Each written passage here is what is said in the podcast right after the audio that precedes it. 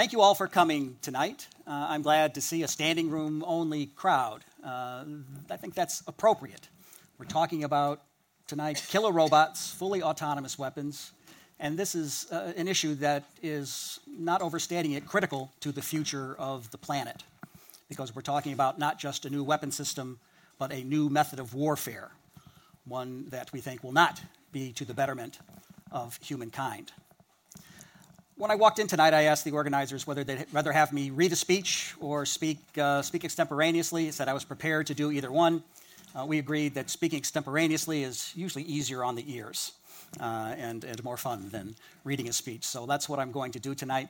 What I'll do is first talk about what are killer robots, who's pursuing them, uh, and then talk about why we oppose the development, production, or use of killer robots, why we think there must be a preemptive international treaty to stop these weapons from ever coming into existence. And then I'll talk a little bit about um, what's being done, what has been done so far, and what's planned for the future to make sure that no one ever acquires these weapons. And finally, uh, I'll talk about why a ban treaty is the only viable solution, will be the only effective solution uh, to address these issues. So, what are killer robots? Well, first and foremost, we view them as future weapons, weapons that don't yet exist today, but they're going to exist soon if we are not successful in our campaign to stop killer robots. There are many precursors that exist today, uh, and many nations are working towards ever greater autonomy in weapon systems. This is clearly the trend for um, almost all advanced militaries ever greater autonomy. And that may not be a bad thing in some respects. What we're trying to do is to draw a line before you reach the point where there is no longer meaningful human control over these weapon systems. A killer robot, also known as a fully autonomous weapon system, uh, governments are tending to call them lethal autonomous weapon systems, which has the horrible acronym of LAWS because they're mostly unlawful rather than laws. Uh, is, is, another name that's used for it, but we prefer killer robots because we think that that is what uh, will get people's attention the most, and that it's an, ad, ad, that it's an apt uh, reflection of what uh, these systems will be. A killer robot is a weapon system that, once initiated, will no longer have meaningful human control over its key combat functions. A human being would not be in charge of deciding what the target should be and when to fire. The targeting and kill decisions would be made by the weapon system itself, by the robot. We think that this is an unacceptable state to be in. Um, if I mentioned briefly, there are any number of states that are uh, pursuing these kinds of weapons. Since we started our campaign to stop these weapons back in 2013, it's rare now to have governments stand up and say, We really want killer robots. We really want fully autonomous weapons. Uh, it used to be that uh, they, would, they would stand up and say, We think that these are both inevitable and desirable. Now people talk more about their concerns about these weapons and about potentially leaving the door open. But research and development is racing ahead uh, on ever greater autonomy, including systems that could lead to full autonomy. Uh, the leaders uh, in uh, the move toward greater autonomy and full autonomy would be the United States, Russia, China, Israel, South Korea, the United Kingdom. Those are sort of the big six that we have identified. There are some who think there are as many as 40 countries that are pursuing these types of weapons.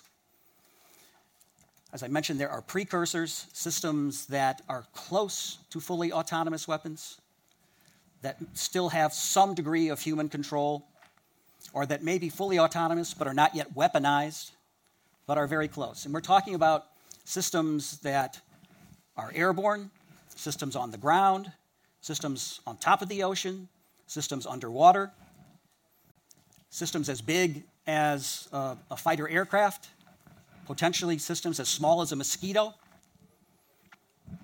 all of which would operate outside of meaningful human control, taking the human out of the loop.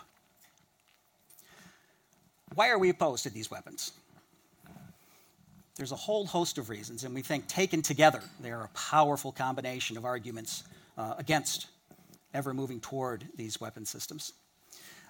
There are moral and ethical arguments, there are legal arguments, there are concerns about proliferation and international security, and there are technical reasons to oppose them. And I'll touch on each of these uh, a, a, little bit. Um, my view is we're going to be successful in this campaign to stop killer robots, primarily because of the ethical and moral considerations. Uh, most people, when they first hear about that, first hear about this, just instinctively feel that it's wrong. I've seen a few of you screwing up your faces uh, as I'm talking here. It, it, it just doesn't uh, seem to sit well with people that you would turn life and death decision making over to machines uh, on the battlefield or elsewhere. Because you can be sure that if these ever come into existence, they won't just be used in armed conflict. They'll be used in domestic law enforcement type situations as well. They'll be used for border control purposes. They'll be used for riot control purposes. They'll be used in other uh, policing operations so that uh, they would be ubiqu- ubiquitous. They've been called uh, sort of the, the ultimate affront to human dignity, to give life and death decision making to machines in international law, there is something called the Martens Clause, which says that if a weapon is contrary to the principles of humanity, if it is counter to the dictates of the public conscience, that it should never, uh, should never come into existence. And we think that these weapons fit squarely within the ambit of the Martens Clause. Um, moving beyond moral and ethical considerations, and I hope we'll get into more of that on the panel. I think we've got a, a panelist who's an expert on these, so I, I won't, uh, I won't dwell on this too much, but I think it is, it is, it is really the, the most powerful argument that's going to happen. I think we'll see citizens telling their governments that they don't want to see these things come into existence, and that, uh, that the political leaders will then instruct militaries to no longer pursue them. Human Rights Watch has written a lot about the legal problems associated with these weapons. I'll try not to go into too much detail because that tends to bore people.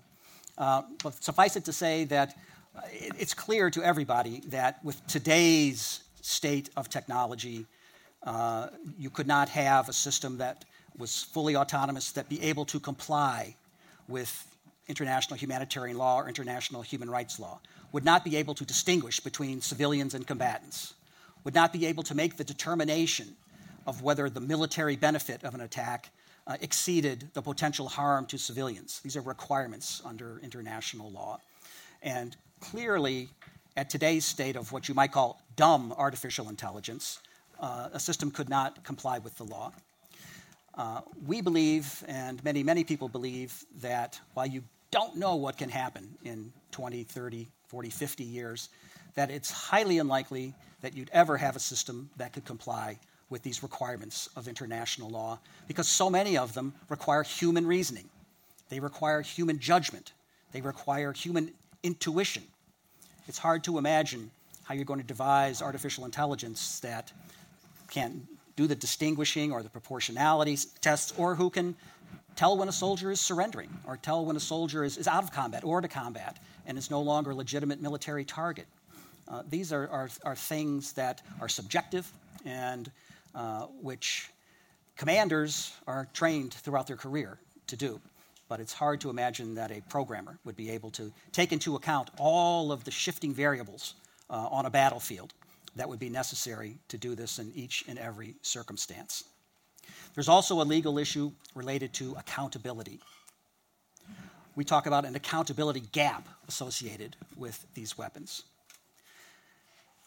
if and when it's bound to happen even if even if you have a high degree of artificial intelligence you're going to have instances where violations of the law occur when those violations occur who's responsible who's held accountable you can't you can't throw a robot in jail Uh, that's not going to work. You can't put a robot on trial.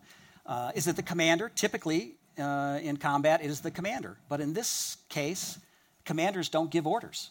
They don't tell the killer robot what to do. That has already been programmed. So is it the programmer? Well, the programmer can't foresee what determinations uh, the system might make on a changing battlefield. So is it the manufacturer? That doesn't make much sense. So you end up in a situation where no one, no, no human, can be held accountable for uh, violations of law, and then you end up with victims who have no redress, victims who have no way uh, of, of getting the, the justice that they deserve from a violation of the law. There are many who are most concerned uh, about the proliferation aspects of this uh, and, its inf- and its impact on international security. You can be sure that if any one country acquires fully autonomous weapons, many, many are going to follow suit uh, immediately. Uh, that uh, it will only take one to tip, uh, to, to tip the issue, to tip it to where uh, everybody decides that they must have them in order to uh, keep up with potential enemies. In order, so you'd end up with you'd end up with um, perhaps a whole series of robotic arms races. You'd end up where artificial intelligence experts have been saying that once these things are acquired, the first ones may be very difficult to do, but that once they're acquired, the technology will become easier and easier to reproduce, will become cheaper and cheaper. Uh, and we've had um, a large group of artificial intelligence experts say that these will become the Kalashnikovs of the future, that they'll become so widespread that they'll be like the most common rifle in the world and would be in the hands not just of three or four or five or six really sophisticated militaries, but would be in the hands of, of all of the worst dictators around the world, would be in the hands of rebel groups, would be in the hands of terrorists. So the proliferation concerns are huge. Uh, and that, of course, uh, would, uh, would, would pose grave dangers to international stability and security at large. A lot of the specialists, roboticists, and artificial intelligence uh, people are also particularly concerned about what would happen when you have robots fighting robots uh, and how the various algorithms would interact during those kind of conflicts because they would all be programmed uh, to be as unpredictable as possible so that they're able to win the battle and, and, and surprise uh, the enemy. But unpredictability also means unsafe. It means, it means that you, you don't know, you no longer have control. Unpredictable means uncontrollable. Uh, and you can easily see this spiraling uh, out of control uh, in a way that, uh, that uh, was unintended. Um, the U.S., uh, the, the, the, U.S. military and others have had a whole list of technical concerns that need to be overcome before they would be willing to field these systems. things like they're being hacked, they're being spooked, they're being blocked in various ways also concerns uh, about whether they can ensure that the mission would end when it was intending to end, or whether the system would go off on its own, whether you'd be able to call it back home. So there are a whole series of factors that we think lead to the conclusion that, uh, that a preemptive prohibition is the only way to go forward. And we've been making great progress uh, toward that. Human Rights Watch issued a report at the end of 2012 that was the first to call for a new international treaty um, preemptively prohibiting the development, production, and use of fully autonomous weapons, of killer robots. Um, we then took the initiative to put together uh, an, uh, a new international uh, coalition of NGOs that are pushing for this objective called the Campaign to Stop Killer Robots. Uh, now has about 60 NGOs in about 30 countries uh, working on this issue, uh, trying to drive the issue much in the same way. We're using the same model as we did for the highly successful civil society campaigns that, um, that uh, led the way toward the treaty banning anti personnel mines. Same thing with the treaty banning cluster munitions, uh, and to a lesser extent, a treaty you've never heard of that bans blinding laser weapons, preemptively banned blinding laser weapons, uh, done at the very last second before the US and China started mass producing such weapons. So we've got a model in place, and we're, and we're utilizing it now on this weapon of killer robots. We have had a tremendous amount of success in terms of who has um, echoed our call, who is supporting our call. We've got about two dozen Nobel Peace Laureates who have issued a statement calling for a preemptive ban. We've got about 80 uh, prominent faith leaders across the entire spectrum of religions calling for a preemptive ban. Uh, we have a European Parliament resolution uh, in place already that calls for a preemptive ban. And very importantly, we um, have a large and prominent segment of the artificial intelligence, robotic, and related scientific community that is calling for the preemptive ban. Um, last July, 1,000 such AI experts issued an open letter that, uh, that uh, said that these weapons should never be developed, that they oppose them strongly. That's now gone up to almost 4,000 of these experts, including some of the best known, like Elon Musk or Stephen Hawking. Uh, these were the people who talked about these potentially being the Kalashnikovs of the future. Uh, they also said that they think that these weapons will be available in years, not decades. They te- think technology is moving so quickly that uh, it will be a matter of years, not decades, before uh, states start to acquire them. So there's a great sense of urgency uh, about this as well. Um, they also said that they oppose them because they think it will be a stain on their profession. They said they think that it will undermine all of the good things they can do with artificial intelligence, uh, both in, in terms of military developments, artificial intelligence developments that could be beneficial to the military, be beneficial to the protection of civilians. There's a lot of good AI that can be applied uh, in, in, in, this instance, but that would be overcome by uh, the pursuit of fully autonomous weapons. So they're, they're viewing it as a challenge to their profession, not a challenge to create them, but a challenge to their, their, uh, their um, reputation. So that was extremely important. Uh, how am I doing on time? You have one minute left. One minute. Okay. I need more than one minute. Um, why is a ban the only the only way to uh, to go about this? There are people who will say, just wait and see. You've got to wait and see what the scientists come up with. Why are you p- pushing for a, a ban now? Why not wait? There are people who say, why don't we just develop them for certain limited missions, uh, for, for very carefully prescribed uh, missions? Um, counterterrorism or anti sniper, or only limit them to being used in certain environments? Or why don't we just think that existing international law, humanitarian law, uh, will, be, will be sufficient? The rules are already strong. Well, none of these arguments are convincing. Uh, if you wait and see, that means the harm is going to be done. If you wait and see, you're going to have all of the dangers that I've talked about come to fruition. The, the, the harm is, is so foreseeable in this case that it's irresponsible to wait and see what might happen. Um, on the specific missions, how in the world is that going to work? Has there ever been a weapon in history that has been developed for one purpose and then was only used for that purpose? It will be used for anything and everything, especially when you might have dire circumstances where, where, where you fear your, your national survival is at stake, or even when you feel that your, your unit's survival is at stake. You're going to use these uh, in, in, uh, in, in, in, likely uh, unacceptable ways. And existing IHL does have strong rules, but certain weapons demand independent treaties. That's why we have a treaty on banning landmines, a treaty banning cluster munitions, a treaty banning chemical weapons, a treaty banning biological weapons. Uh, and this one particularly needs it because it's not just a new weapon, but a new form of warfare. Uh, and a treaty is the only way to truly stigmatize a weapon. Existing IHL doesn't do that. Uh, we've been very successful with landmines and cluster munitions largely because the weapons have been stigmatized, and even countries who don't sign up to the treaty essentially obey the provisions because it's become a new norm, a new standard of behavior.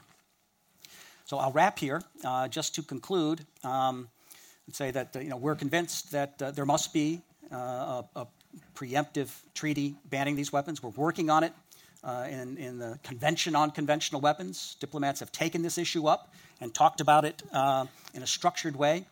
We're calling on them to agree at the end of this year at a five year review conference of this Convention on Conventional Weapons to adopt a formal negotiating mandate and within one or two years to conclude this treaty banning these weapons. We think it's an issue uh, for humanity and one for which we should all feel responsible. Thank you.